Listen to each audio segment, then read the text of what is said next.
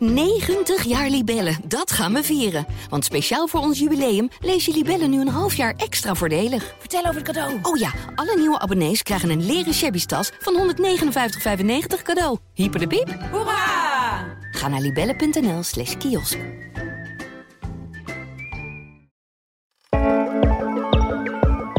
Dit is Ondertussen in de Kosmos, de wekelijkse wetenschapspodcast van de Volkskrant. Mijn naam is Tony Mudde en we gaan het vandaag hebben over wolken en stofdeeltjes in de lucht. De grote vraag is namelijk, warmen die de aarde op of koelen ze hem juist af? Dat is waar wetenschappers keihard mee bezig zijn om uit te vinden. En dan doemt ook meteen de vraag op, wat als we nou zelf die wolken gaan manipuleren om de aarde een beetje af te koelen? Kan dat? We gaan het ontdekken samen met Maarten Keulemans, de klimaatexpert van de Volkskrant, en George van Hal, onze ruimtevaartexpert. George, een paar weken geleden werd een klimaatsatelliet gelanceerd met de naam PACE. Ja. En aan boord een Nederlands instrument die iets met wolken en stofdeeltjes gaat doen. Maar wat? Ja, eh Specs One heet. En eh, het, het lollige overigens van, die, eh, van dat instrument is dat die oorspronkelijk ontwikkeld is om naar andere planeten te kijken. Naar eh, Venus, wat daar dan in de atmosfeer gebeurt en zo. Eh, maar die hebben ze ja, soort van een, een nieuwe toepassing gegeven. Kijken naar onze eigen planeet. De belangrijkste planeet, zei een van de onderzoekers die ik eh, sprak dan vervolgens ook. Ja. En dat is natuurlijk ook zo. Ehm, want diezelfde deeltjes die je dan in de atmosferen van andere planeten kunt vinden, die zitten ook in de atmosfeer van onze planeet. Ja. En daar willen we eigenlijk heel veel meer van weten. Want dat soort aerosolen, zoals die dingen dan heten, Ik Ja, ken dat, aerosolen ken ik van de virus, hè? maar wat is het in, in, in wolkenkunde? het is eh, eigenlijk alles dat een deeltje of een druppeltje is en dat in de lucht hangt. Dus dat kan een, eh, een stofdeeltje zijn of een roetdeeltje of een eh, beetje opgedwarreld zeezout. Nou ja, noem het maar op. Ehm, en eh, dat hangt dan in de lucht. Ja. Maar hoeveel ervan precies is, in welke concentraties, waar het zich precies bevindt, eh, wat de interactie van die deeltjes is met wolken. Ja. Dat zijn allemaal open vragen. Er zijn allemaal wel ideeën over en eh, theorieën en modellen en enzovoorts. Maar de, eh, de data is nog onvoldoende aanwezig. Dus de kennis van waar het nou precies zit. Mhm. Om daar echt, nou ja, nauwkeurige voorspellingen over te doen. Dus als je klimaatmodellen gaat maken, dan wil je eigenlijk heel graag weten eh, wat die rol van aerosolen precies is. En daarvoor moet je weten waar ze zijn, met hoeveel ze zijn enzovoorts. En dat is wat die satelliet gaat doen. Oké. Eh, ja. En Maarten, ik wil even de, de, de, de domste vraag die ik ga stellen vandaag. Eh, als ik buiten sta en de zon schijnt, dan is het warm. En dan komt er een wolk voor en dan wordt het koeler. Dus wolken koelen de boel af. Ja, Klaar, toch? Maar dan wordt het nacht. En als het dan helder is, er zijn geen wolken, dan koelt het heel erg snel af. En als de wolken er wel zijn, dan blijft het warmer.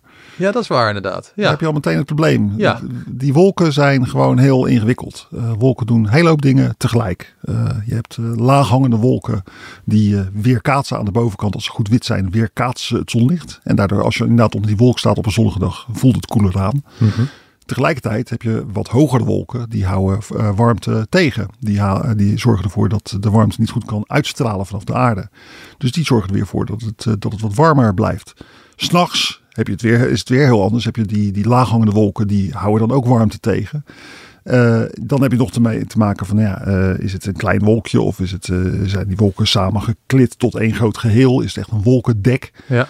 Hoe hoog hangen ze dus precies? Dat zijn allemaal dingen die van, van invloed zijn. Wat voor kleur hebben ze? Dus die wolken, dat is echt een, een ongelooflijk ingewikkeld ding. Het is niet zomaar te zeggen van, oh ja, meer wolken, het wordt kouder. Of meer wolken, het wordt warmer. Nee, want wat je zei over die nacht, het is inderdaad als je, in, in- wil winters, of als je op wintersport bent en je denkt, oeh, het is een beetje aan de warme kant voor sneeuw en dan, eh, dan, dan sta je buiten en je ziet dat het een heldere nacht is, dan denk je, ah, nu zou het wel eens lekker kunnen gaan afkoelen. Ja, ja, ja. Ja. In, de, in de winter, nou ja, weet je, heldere, koude winternachten. Die zijn altijd ook helder. Inderdaad, als je de sterren kunt zien, dan is het gewoon kouder. Ja, en dan zijn wetenschappers er dus niet uit van wat het netto effect nog is. Nou ja, wolken. het ingewikkelde is, eh, als je alle wolken van de aarde zou, eh, zou eh, wegdenken, dan zou het op aarde een stukje warmer zijn, gemiddeld genomen. Ja. En dat is gewoon, gewoon weet je, wel, de optelsom van alle, van alle wolken. Maar de grote vraag is nu precies van, ja, weet je, we zijn nu natuurlijk bezig om de, de dampkring op te warmen met broeikasgassen. Ja, Wat gaat er dan precies gebeuren? Eh, De, het idee is, eh, zoals het in het IPCC-rapport staat, is dat het iets warmer zal worden. Dat je een soort eh, feedback systeem krijgt, waardoor nou ja, het warmer gaat worden op aarde. Maar ja, het is niet, allemaal niet heel zeker. En het hangt weer af van, van wat op de ene plek gebeurt. Hoeft weer niet op de andere plek te gebeuren. Het was heel veelzeggend. Ik heb voordat we deze podcast ingingen. Ik, was, ik was ook, ben ook een beetje gespannen erover. Want ja, wat moeten we over wolken vertellen? Je merkt gewoon dat de wetenschap weet er heel weinig van. Voordat we deze podcast ingingen, ben ik gewoon eens in het IPCC-rapport gaan kijken. Ja. Van ja, eh, die, die, die samenvatting, de summary for policymakers, waar het altijd over gaat. Dat stuk van 30 bladzijden wat, eh, waar altijd over wordt vergaderd. Hoe vaak denk je dat het woord wolken daarin voorkomt? Ehm, ja, nu je het zo aankondigt, zal het wel nul zijn dan, of niet? Nou, het komt één keer erin voor. oké. In een bijschrift ergens bij een tabelletje waarin het eigenlijk gewoon zo Er staat, we don't understand clouds. Nou ja, ongeveer Ja. wel. Er Oh, staat ja. net van, eh, dit hangt af van de interacties van wolken, maar die snappen we nog niet zo goed. Dat staat daar. En natuurlijk in het, in het grote, dikke IPCC-rapport zelf, er staat wel van alles over wolken, maar dat zijn dan allemaal, ja, weet je, daar, daar, dat gaat dan echt over de harde wetenschap. En daar, ja, die studie zegt zus, maar de andere studie zegt weer zo, en de volgende studie zegt weer dit, en de volgende studie zegt weer dat. Dat is daar meer het eh, verhaal wat je daar vindt. Hoe, hoe kan het nou zo moeilijk zijn? Ik bedoel, je kijkt naar boven, die dingen hangen daar. Hoe moeilijk kan het Ja. zijn? Nou ja, het begint er al mee met gewoon hoe ga je ze meten. Eh, het is, het is, ja, dat ding hangt daar inderdaad. Het is leuk. eh, ik, ik heb diezelfde vraag natuurlijk ook gesteld. Een tijdje geleden was hier een, eh, een belangrijke wolkenexpert was in Nederland. eh, Björn Stevens van het Max Planck Instituut uit Duitsland. Hele ga- gave vent en, en echt de wolkenexpert van, van de wereld zo'n beetje. Ja. Wolkenwietje zou je hem kunnen noemen. maar ik heb die vraag ook gesteld. Dan moet je horen wat hij zei. Ik heb daar een klein fragmentje, een beetje crappy, omdat ik het gewoon heb opgenomen. Heel amateuristisch met mijn eh, telefoon. Maar toch leuk om eventjes te horen hoe die man over wolken praat. we always refer to a cloud as something that um, that you can't draw a boundary around, but you still describe as something that's bounded. And so, even trying to quantify a cloud, it's not like an elephant, you know, which exists and you can draw the form. Dus ja, Björn Stevens, die je hoorde, die zegt eigenlijk ook van ja, ja, wolken zijn gewoon heel ambivalent. Je kunt er alle kanten mee op. Ja. En het is heel moeilijk om ze te, te vangen en te meten. Het is ook gewoon, weet je, eh, eh, water kun je gewoon, ja, dat kun je in een bak stoppen. Dat kun je naar je laboratorium nemen. Daar kun je allemaal dingen mee doen. En een wolk is dat gewoon al gelijk veel, veel eh, ingewikkelder. Dus ja, Ja. en hij zegt ook van, de, de, waar begint een wolk überhaupt en waar houdt hij op? Die, Ja, hele, precies. die hele begrenzing. Ja, precies. Een wolk is inderdaad, nou, zoals hij het zegt, niet een olifant die in de lucht hangt.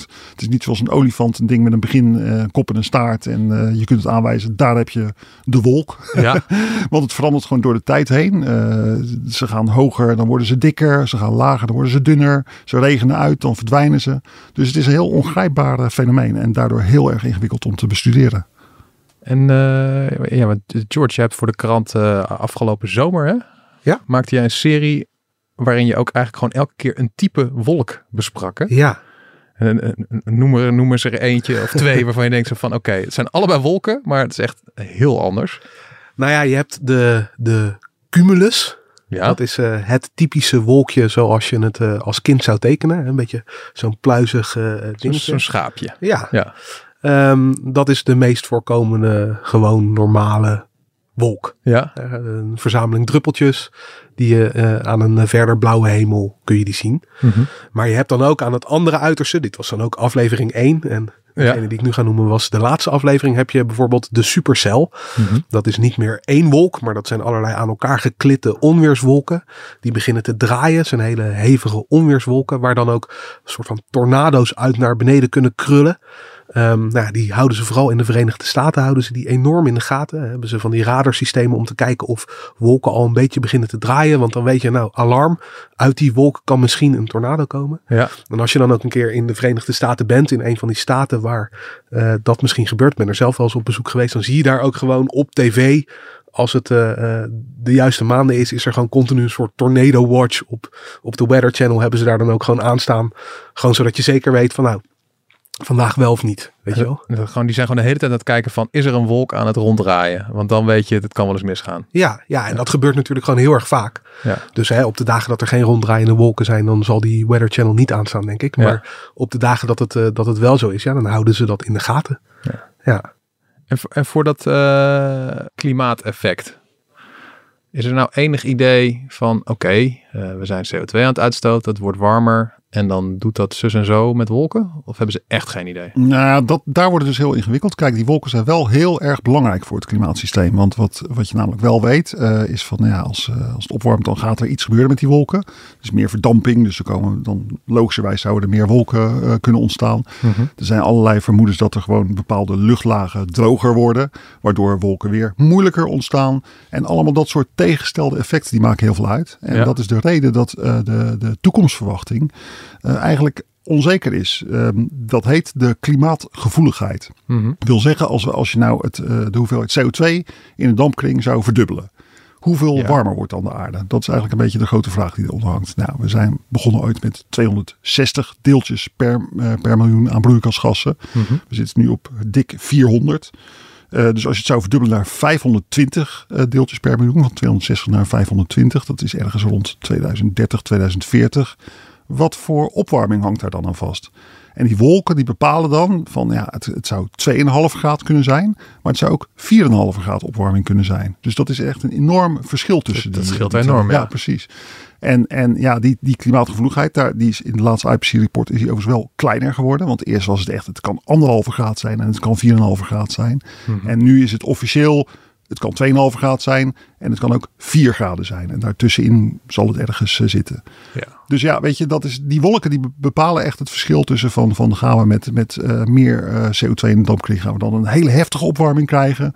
Of valt het allemaal nog wel enigszins mee? Uh, kom op, 2,5 graden is natuurlijk nog steeds te veel, hè? maar dan ja. is het toch wel wat gunstiger dan, dan 4 ja, graden. Want als je 4 graden hebt, dan, ja, heel simpel gezegd, dan gaan de ijskappen nog sneller ja. smelten, gaat de zeespiegel nog sneller omhoog, krijg je nog meer gebieden waar het ja, precies, heel slecht boeren wordt. Dus ja, simpel gezegd, weet je, wetenschappers willen niets liever dan die wolken gewoon in hun uh, computermodellen stoppen. Zodat je ze eindelijk kunt kijken van, nou, wat gebeurt er nou als ik die, die CO2 uh, wat harder zet? Wat, wat gebeurt er dan precies? Mhm. Mm -hmm. En dan kom je dus inderdaad tot het probleem waar we het net over hadden, dat een wolk geen olifant is. Kijk, de zee kunnen onderzoekers heel mooi modelleren. De zee is gewoon een ding, dat ligt daar, heeft een bepaalde diepte. Uh, stromingen zitten daarin, dat kun je allemaal in een computer kun je dat wel uh, min of meer nabootsen. Ja. Maar ja, zo'n wolk die het ene moment is hij er en dan een uurtje later is hij weer weg. En, en dan, dan zijn er weer twee en dan, dan komen die twee weer samen tot één wolk. Of hij stijgt op en hij wordt donker. Het is, het is geen greep op te krijgen in de Ja, en het, het klimaatsysteem zelf heeft natuurlijk dan ook invloed op hoeveel wolken, wanneer en, enzovoort je precies krijgt. Precies. Dus het grijpt dan in zichzelf terug, waardoor ja. het ja. moeilijker te modelleren wordt. Ja, want je hebt bijvoorbeeld, het is heel grappig, je hebt ook uh, de, de klimaatskeptici, uh, die, die zeggen bijvoorbeeld, uh, zo'n theorie van, van Steven Koenin, dat is zo'n zo'n klimaatskepticus die heel populair is. En die zegt altijd van, nou, er is helemaal niks aan de hand met de opwarming. Want als het warmer wordt, dan krijg je gewoon meer verdamping. En dan krijg je meer wolken. En die wolken die houden de zon tegen. Dus het, het systeem uh, ja, herstelt zichzelf. Beetje zoals ik aan het begin dacht. Precies. Zo van, joh, ik zie een wolk, dus het Ja. wordt koeler, top. En als de aarde opwarmt, heb je meer verdamping. En dus ook meer wolken. Dus het, uh, het komt allemaal goed. Ja. Maar dat, die gedachte klopt natuurlijk niet. Want dan zou je dus nooit uh, een veranderend klimaat hebben gehad op aarde. En dat Nee. is natuurlijk uh, overduidelijk gewoon onzin. dus, En- dus, dus ja, weet je, dat geeft aan wat voor valkuilen hier allemaal in dit veld zitten. Ja, en ja, ik weet niet of je dat dan ook tot een wolk moet rekenen, maar eh, allemaal stampende uitlaatgassen en smok die daardoor ontstaat en zo. Dat is ook een soort wolk. Ja, dan zit je meer op George zijn, eh, zijn ding. Want die, die uitlaatgassen, dat zijn dus weer, dat, daar zitten weer allemaal roetdeeltjes bij. Ja. Eh, dat zijn weer, dan krijg je weer die aerosolen. Daar zit, maar ja, bijvoorbeeld die aerosolen, donkere aerosolen, die, die, die houden uh, warmte vast. Dus dat, is, dat, is, dat warmt extra op. Ja, Maar bijvoorbeeld in die, in die uitlaatgas zit ook zwaveloxide. En zwaveloxide, als het heel hoog komt, dan worden dat ijskristalletjes. En dat weer kaatst de zon weer. Dus dat houdt weer opwarming tegen. oké. En wat is dan het netto-effect?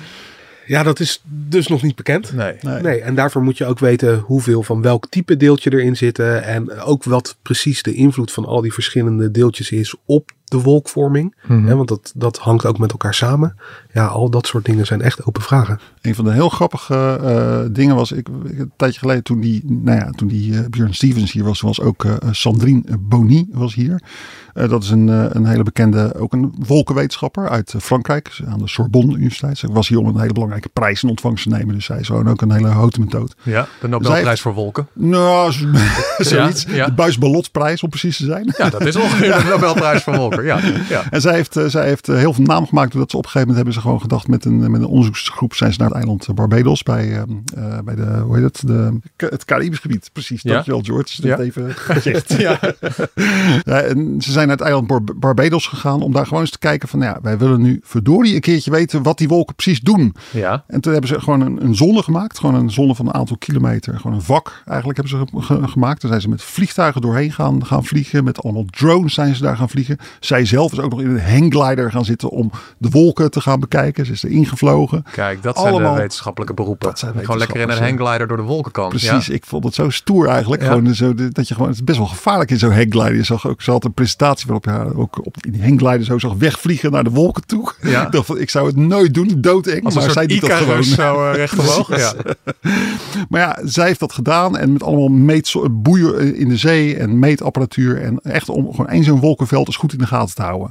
En toen bleek al meteen dat een heel belangrijk mechanisme waarvan klimaatwetenschappers altijd dachten van nou in de tropen, als het opwarmt, als de aarde opwarmt, dan, dan krijg, je daar, krijg je daar een feedback waardoor, er, uh, waardoor het sneller gaat opwarmen. Mm dat blijkt helemaal niet te bestaan. Dus zij heeft aangetoond dat die wolkenvelden zich daar toch heel anders gedragen dan iedereen op grond van de theorie aannam. Ja. En dat is eigenlijk heel goed nieuws, want dat betekent gewoon dat je, nou ja, gewoon weer een klein stukje opwarming, een klein stukje van het slecht nieuws van, oh, de opwarming versnelt, dat dat blijkt wel mee te vallen. Ja. En uh, ja, maar ja, sowieso, dit soort onderzoeken moet je dus doen om, uh, om erachter te komen.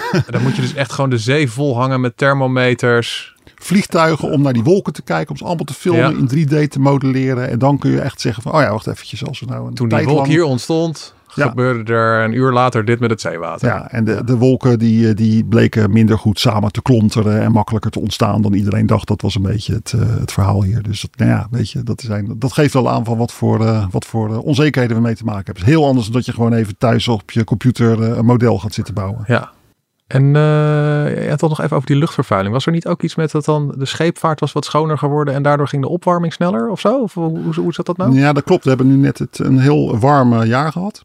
Uh, en een van de dingen die, uh, die werd gezien was dat, nou ja, dat hebben we allemaal meegekregen, dat de toplaag van de, de Atlantische Oceaan, die bleek ook krankzinnig warm te zijn. Ja. Iedereen had zoiets van, wat is hier nou gebeurd? En een van de verklaringen uh, zou wel eens kunnen zijn dat sinds vorig jaar uh, wordt er minder zwavel uitgestoten. Daar hebben ze weer die zwaveloxides. Uh, de scheepvaart stoot minder zwavel uit. Ja. Zwavel is zo'n zo'n aerosol die zonlicht tegenhoudt en terugkaatst. En dat zou er dus toe kunnen hebben geleid dat er meer zonlicht naar de zee is gekomen en de zee extra heeft opgewarmd. Dus dat we gewoon nu even een extra duwtje van de opwarming hebben gekregen. Gewoon doordat de scheepvaart geen zwavel meer uitstoot. Maar dit, dit klinkt heel pijnlijk. Schepen schoner maken en dan wat, wat krijg je dan als beloning terug? Ja, en ja. meer opwarming. Nou ja, een heel mooi effect zag je bijvoorbeeld ook in, uh, in de vorige eeuw. Nou, we waren natuurlijk al CO2 aan het uitstoten. Mm -hmm. Toch tot, nou ja, een beetje tot, het jaar, tot de jaren 1970 ongeveer, zie je helemaal niet zoveel opwarming. En dan daarna zie je ineens die opwarming als een speer omhoog gaan. En dat is mhm. niet, omdat, niet alleen omdat we veel meer CO2 gaan uitstoten, maar vooral omdat in, dat waren de tijden dat wij uh, luchtvervuiling heel erg uh, zijn gaan tegengaan. In alle westerse landen zijn toen, weet je wel, de lood benzine is toen uitgebannen. En kwamen, kwamen katalysatoren op je auto. Dus je mocht, ja, de lucht werd veel schoner. En dat heeft geleid tot minder mist bijvoorbeeld. Vroeger was het veel vaker mistig dan nu. Ja. Maar ook tot veel meer opwarming. Dus de zon kan veel beter uh, de aardop het aardoppervlak bereiken. En daardoor is er gewoon meer opwarming. Dus dat, dat zie je gewoon heel duidelijk terug in de, in de grafieken. Je had ook die oude foto's toch van de beroemde fog in uh, Londen. Dat ja. je daar dus gewoon echt amper een hand voor ogen kon zien op sommige dagen. Ja. Als ze flink aan het stoken waren in de ja, winter. Het gekke is, ik ben, ik ben zo oud dat ik me ook wel gewoon de, die vorige eeuw nog wel gewoon actief kan, kan herinneren. En ik weet inderdaad nog van als kind dat het gewoon vaak mist was. En dat, je, dat het gewoon, ja, niet uh, gewoon smokachtig was buiten en zo. Maar dat is, uh, ja, dat is echt heel erg veranderd. Ja, ik weet nog een beetje vies verhaal dit. Maar toen ik als, als, als kind met mijn ouders naar uh, Londen ging. En je had dan een dagje, was je van mijn ene museum naar uh, de volgende dierentuin gegaan. En je was de dag met de metro geweest en zo. Dat je echt gewoon, je neus aan de binnenkant was gewoon zwart. En uh, nou, de laatste paar jaar, als ik wel eens naar Londen ging, dan was dat gewoon niet meer zo. Ja, dus het is gewoon schoner geworden. Ja. Uiteindelijk is dat denk ik ook wel gewoon vooruitgang. Hè? Laten we wel zijn. Er gingen heel veel mensen gewoon dood aan. Klinkt aan... als vooruitgang. Ja, nee, nee, geen zwarte neus meer. Ja.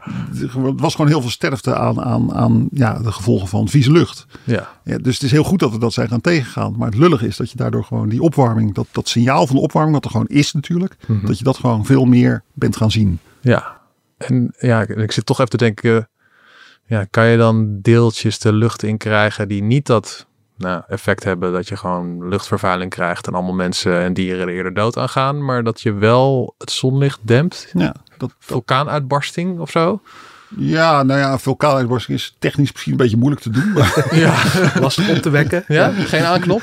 Nee. Meestal niet. Nee. maar er zijn wel, wel eh, eh, belangrijke experimenten, eh gedachten om, om wolken witter te maken. Dus als je dan toch een wolk hebt, kijk of je het met, met bepaalde zoutdeeltjes of zo, die aerosolen van George weer, of je daar wittere wolken mee kunt krijgen die dat zonlicht meer weerkaatsen. Nou, dat is, dat is helemaal geen, geen stomme oplossing. Tot je er wat beter over nadenkt.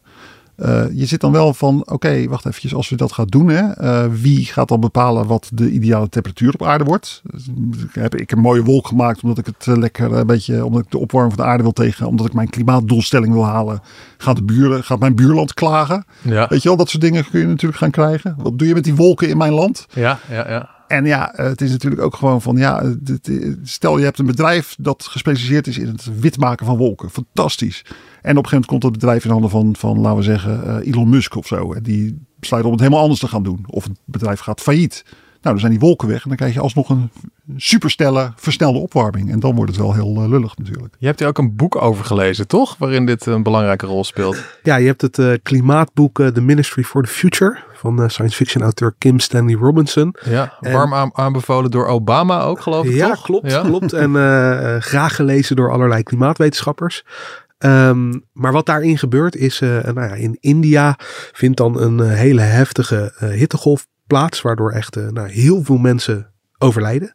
En India die is daar dan ja, terecht zo klaar mee dat ze gewoon besluiten om het heft in eigen hand te nemen. En die zeggen, maakt mij niet uit wat de rest van de wereld ervan vindt. Wij gaan nu allerlei spul naar boven pompen om ervoor te zorgen dat het, eh, dat het afkoelt. Mhm. Nou ja, en in, in het boek heeft dat dan ook daadwerkelijk effect voor een, voor een aantal jaar. En dan, nou ja, dan is het weer een beetje uitgewerkt. Dus dan eh, vangt de klimaatverandering weer verder aan. Ehm, maar dat is natuurlijk wel hoe het in het echt zou kunnen gebeuren. Weet je wel, als iemand gewoon eenzijdig besluit van eh, het kan me niet schelen wat iedereen ervan denkt, we gaan het gewoon doen. Ja, dan kan het. En er wordt over nagedacht. Ik bedoel, er zijn eh, mensen bij eh, verschillende universiteiten die hier eigenlijk hoofdzakelijk mee bezig zijn.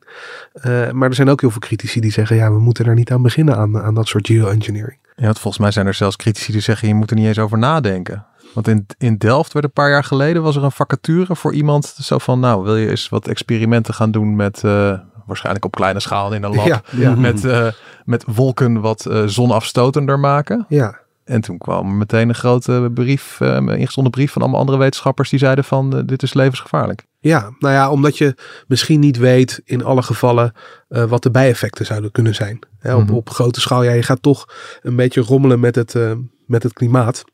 Maar voor, voorstanders zeggen dan van ja, jongens, we zijn al decennia lang aan het rommelen met het klimaat. Dat Door de komt ook- CO2 in te Dat pompen. komt ook allemaal door mensen, weet Ja. je wel. Eh, laten we er dan gewoon iets, iets anders tegenover zetten. Ja, En het op die manier proberen op te lossen. En daar valt ook wel wat voor te zeggen. En eh, tegelijkertijd is wat sommige klimaatwetenschappers dan zeggen van ja, maar het is gewoon geen echte oplossing. Hè, de enige oplossing is gewoon om minder CO2 en minder methaan en zo naar boven eh, te laten gaan. Mhm. En dat is de enige echte oplossing. De rest zijn alleen maar schijnoplossingen. En als je daaraan begint, dan eh, ja, kom je ook psychologisch verder van die daadwerkelijke oplossingen vandaan. omdat het dan kan voelen als een soort Nou van, ja, er is een nog een vangnet. Ja, precies. En dan zou mensen kunnen, kunnen, toe kunnen bewegen van, nou ja goed, waarom zouden we dan zo moeilijk doen? Als het echt eh, vervelend wordt, dan, eh, dan laten we wel een paar wolkjes op. Weet je wel, dat je die gedachtegang krijgt. Ja, We blijven gewoon lekker vlees eten en eh, rondrijden en rondvliegen in onze fossiele auto's en zo. Want Anders ja, Klappen ja. we de ruimteparaplu open, want eh, dat soort ideeën zijn Ja, er ook, oh ja. Precies, Oh ja, precies. ja. Ja. Maar ik denk trouwens wel dat je het misschien als allerlaatste redmiddel zou je het natuurlijk nog wel kunnen inzetten. Stel je ontdekt op een gegeven moment van nou ja, als we nu nog een half graad opwarmen, ja, dan is gewoon echt, dan zijn eh, de, dan is het ijs van, van Groenland is verloren. Dan krijgen we gewoon 7 meter zeespiegelstijging erbij. Mhm. Ja, ja, dan kan je voorstellen in zo'n situatie dat je denkt van nou ja, dan in godsnaam maar proberen op kunstmatige manier Ja. die, eh, die warmte een beetje tegen te houden. koop je er wel wat tijd mee. En Ja. in die zin is het dus ook best nuttig om er nu alvast over na te denken. Ja. ja, dat je niet dat gaat doen en denkt, oh nee, het werkt toch net de andere kant op. Het wordt toch nog, nog ietsje warmer. Ja, precies. Ja, precies. dat wil je niet ontdekken. Nee, ja. Een andere mogelijkheid is natuurlijk dat de natuur een handje gaat helpen. En dat we toch, nou ja, je noemde hem al eventjes Tony, die vulkaanuitbarstingen. Want daarvan is ook aangetoond dat die gewoon wel degelijk gewoon een langdurig effect kunnen hebben op het dempen van de temperatuur. Dus ja, een vulkaanuitbarsting is niet iets wat je kunt, kunt opwekken als mens. of ja, misschien, misschien wel als je heel erg je best doet. Ja. maar eh, het, is, het is wel, ja, het kan een hulpje zijn voor de natuur. Als ineens in de tropen een of andere enorme vulkaan uitbarst. Een nieuwe Pinatubo of zo, zoals in eh, de Filipijnen destijds gebeurde. En dat kan dus wel degelijk gewoon zorgen voor een merkbare eh, daling van de temperatuur een tijdje. En waar hebben we het dan over? 1 honderdste graad daling voor eh, één jaar of zo? Nee, of, eh, dan, dan moet je denken aan, aan, aan een halve graad voor, gedurende een jaar. En daarna, nou ja, het jaar daarna werd het wat minder. Tienden van graden moet je een beetje aan denken. En ja, je hebt helemaal gelijk. Het lullig is wel dat het natuurlijk een tijdelijk effect is. Dus het, is, het is eventjes, helpt je eventjes uit, eh, uit de dus, ellende. dus con- continu vulkaanuitbarstingen. Dat gaat ons misschien nog redden. Ja, het is, het is weet je, maar dat is ook wat we eigenlijk al eerder constateerden. Dit gaat om maskerende effecten. Dus het is inderdaad, die opwarming is er gewoon. En ook als je het maskeert, als je wolken maakt, als je, als je vulkanen laat uitbarsten, als je heel hard met je auto gaat rondreizen, zodat er veel uitlaatgassen komen. Ja, het is allemaal maar, maar het zijn allemaal maar, het is symptoombestrijding. Het zijn allemaal labmiddeltjes. De echte opwarming is er gewoon. Ja. Dus toch maar gewoon die CO2 eh, flink verminderen. Ja, uiteindelijk En wel. niet, ja, eh, dat is de enige echte remedie. En niet gaan hopen op eh, wonderuitvindingen uit Delft met, eh, met wolken die de zon gaan weerkaatsen. Nee. Nee. Helder. Dit was Ondertussen in de Kosmos, de wekelijkse wetenschapspodcast van de Volkskrant. Grote dank aan mijn gasten van vandaag, Maarten Keulemans en George van Hal. Mijn naam is Tony Mudde en de volgende keer zijn we er weer met een geheel nieuw onderwerp. Graag. Tot dan. Bye.